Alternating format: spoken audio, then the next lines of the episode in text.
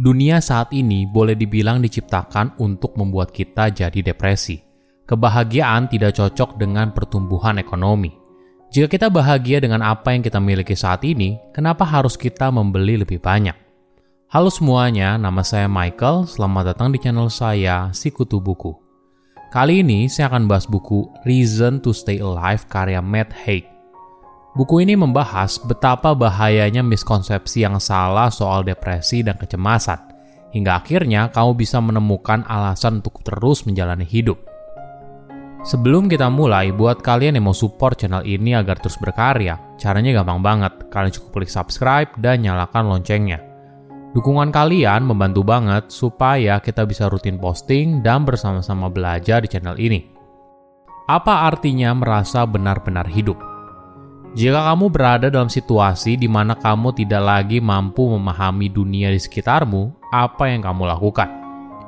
Jika kamu tiba-tiba merasa kalau kamu tidak bisa berpikir lagi, apa yang kamu lakukan? Ketika berusia 20-an, penulis tiba-tiba saja mendapatkan serangan panik yang parah. Dia tidak melihat bagaimana hidupnya bisa berjalan di masa depan. Sesuatu yang terlihat begitu tiba-tiba, padahal sebenarnya tanda itu selalu ada. Dirinya saja yang tidak pernah menyadarinya. Buku ini adalah kisah nyata bagaimana seorang bisa keluar dari sebuah krisis, berhasil menyembuhkan dirinya sendiri, dan belajar untuk menjalani hidup. Apa yang dialami oleh penulis bukanlah hal yang unik. Satu dari lima orang di dunia pernah menderita depresi pada satu titik dalam hidupnya Parahnya lagi, stigma masyarakat membuat orang yang butuh pertolongan menjadi sulit untuk menemukannya.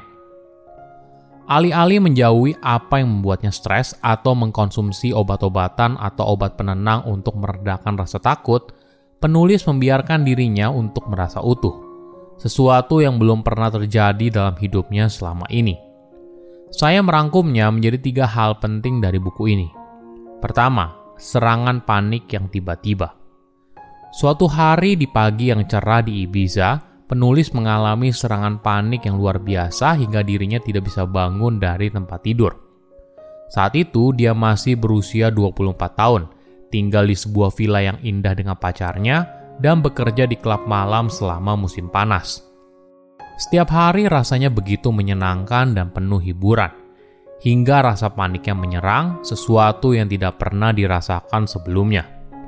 Selama tiga hari berikutnya, penulis tidak bisa tidur dan bangun dari tempat tidur. Serangan panik ini berjalan terus-menerus hingga mengganggu aktivitasnya sehari-hari. Di satu titik, penulis sudah merasa tidak sanggup dan berencana untuk mengakhiri hidupnya.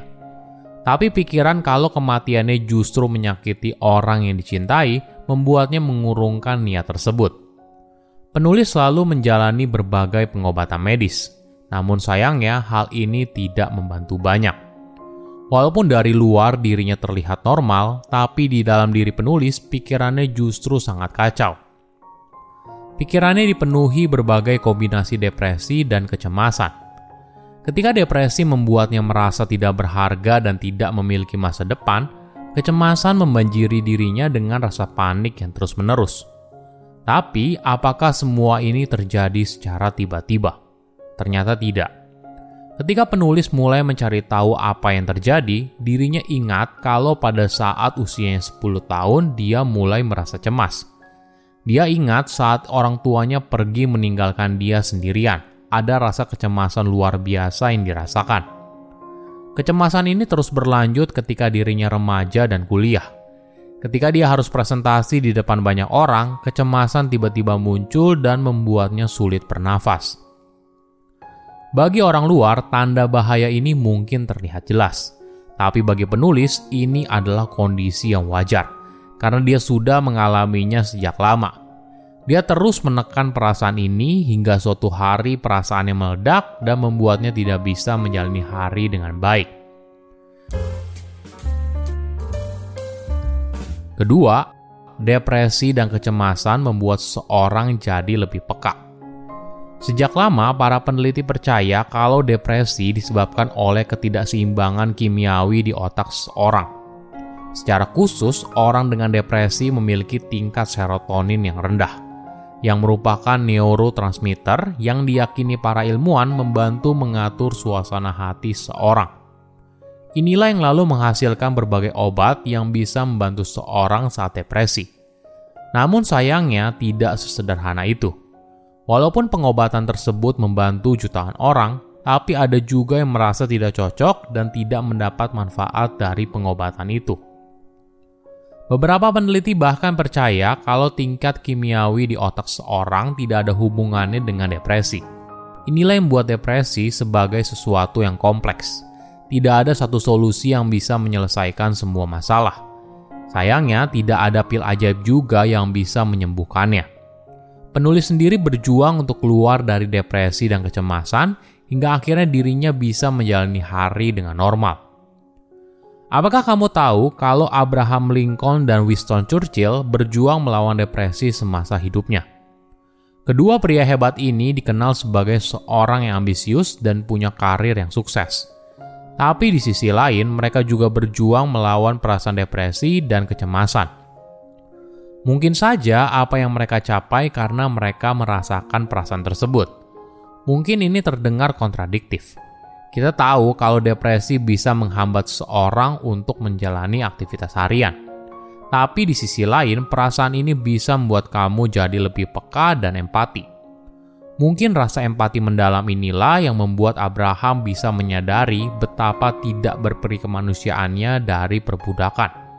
Sedangkan bagi Winston, dia merupakan salah satu pemimpin Eropa pertama yang menyadari betapa berbahayanya partai Nazi di Jerman.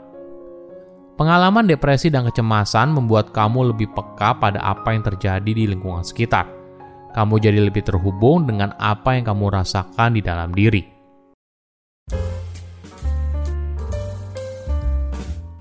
Ketiga, proses penyembuhan bukan garis lurus. Waktu memang menyembuhkan. Ketika kamu berada di dasar lembah, kamu akan sulit melihat sesuatu dengan jelas sama halnya ketika kamu berada dalam sebuah terowongan. Kondisi itu membuat kamu sulit melihat dengan jelas, tapi ada cahaya di ujung terowongan, bahkan ketika kita tidak bisa melihatnya sekarang. Proses penyembuhan tidaklah seperti garis lurus. 14 tahun setelah penulis mengalami breakdown pertamanya di Ibiza, dirinya tidak menunggu lagi untuk disembuhkan dia sadar kalau moodnya akan naik turun dan dia tidak akan selalu merasa baik. Apa yang dia tahu adalah rasa cemas ini akan berlalu. Daripada sibuk mencari pil ajaib, penulis fokus melakukan rutinitas harian yang membuat dirinya lebih baik. Kebiasaan sederhana seperti makan teratur, tidur yang cukup, dan mengenakan pakaian yang bersih membuat dia pelan-pelan menjadi lebih baik. Penulis tahu ketika dia merawat tubuhnya dengan baik, maka dia juga sedang merawat pikirannya juga. Selain itu, dia mulai berolahraga berlari setiap hari. Untuk memperlambat aktivitas otaknya yang selalu cemas, penulis mulai berlatih yoga dan meditasi.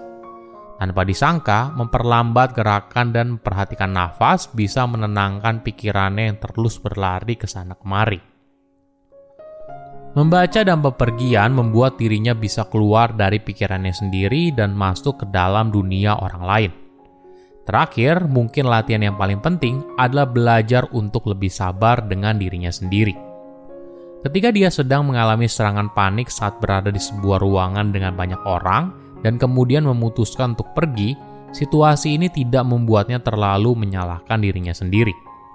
Bahkan, dia mulai merangkul perasaan ini dan menyadari fakta kalau dirinya tidak berani datang ke pesta tersebut, sesuatu yang tidak pernah dilakukan sebelumnya. Mengalami depresi memang tidak ada obat ajaib untuk menyembuhkannya, tapi solusi yang ditemukan penulis adalah membuat hidupnya lebih mudah untuk dijalani dan menemukan banyak alasan untuk terus menjalani hidup. Silahkan komen di kolom komentar pelajaran apa yang kalian dapat ketika baca buku ini. Selain itu, komen juga mau buku apa lagi yang saya review di video berikutnya. Saya undur diri, jangan lupa subscribe channel YouTube Sikutu Buku. Bye bye.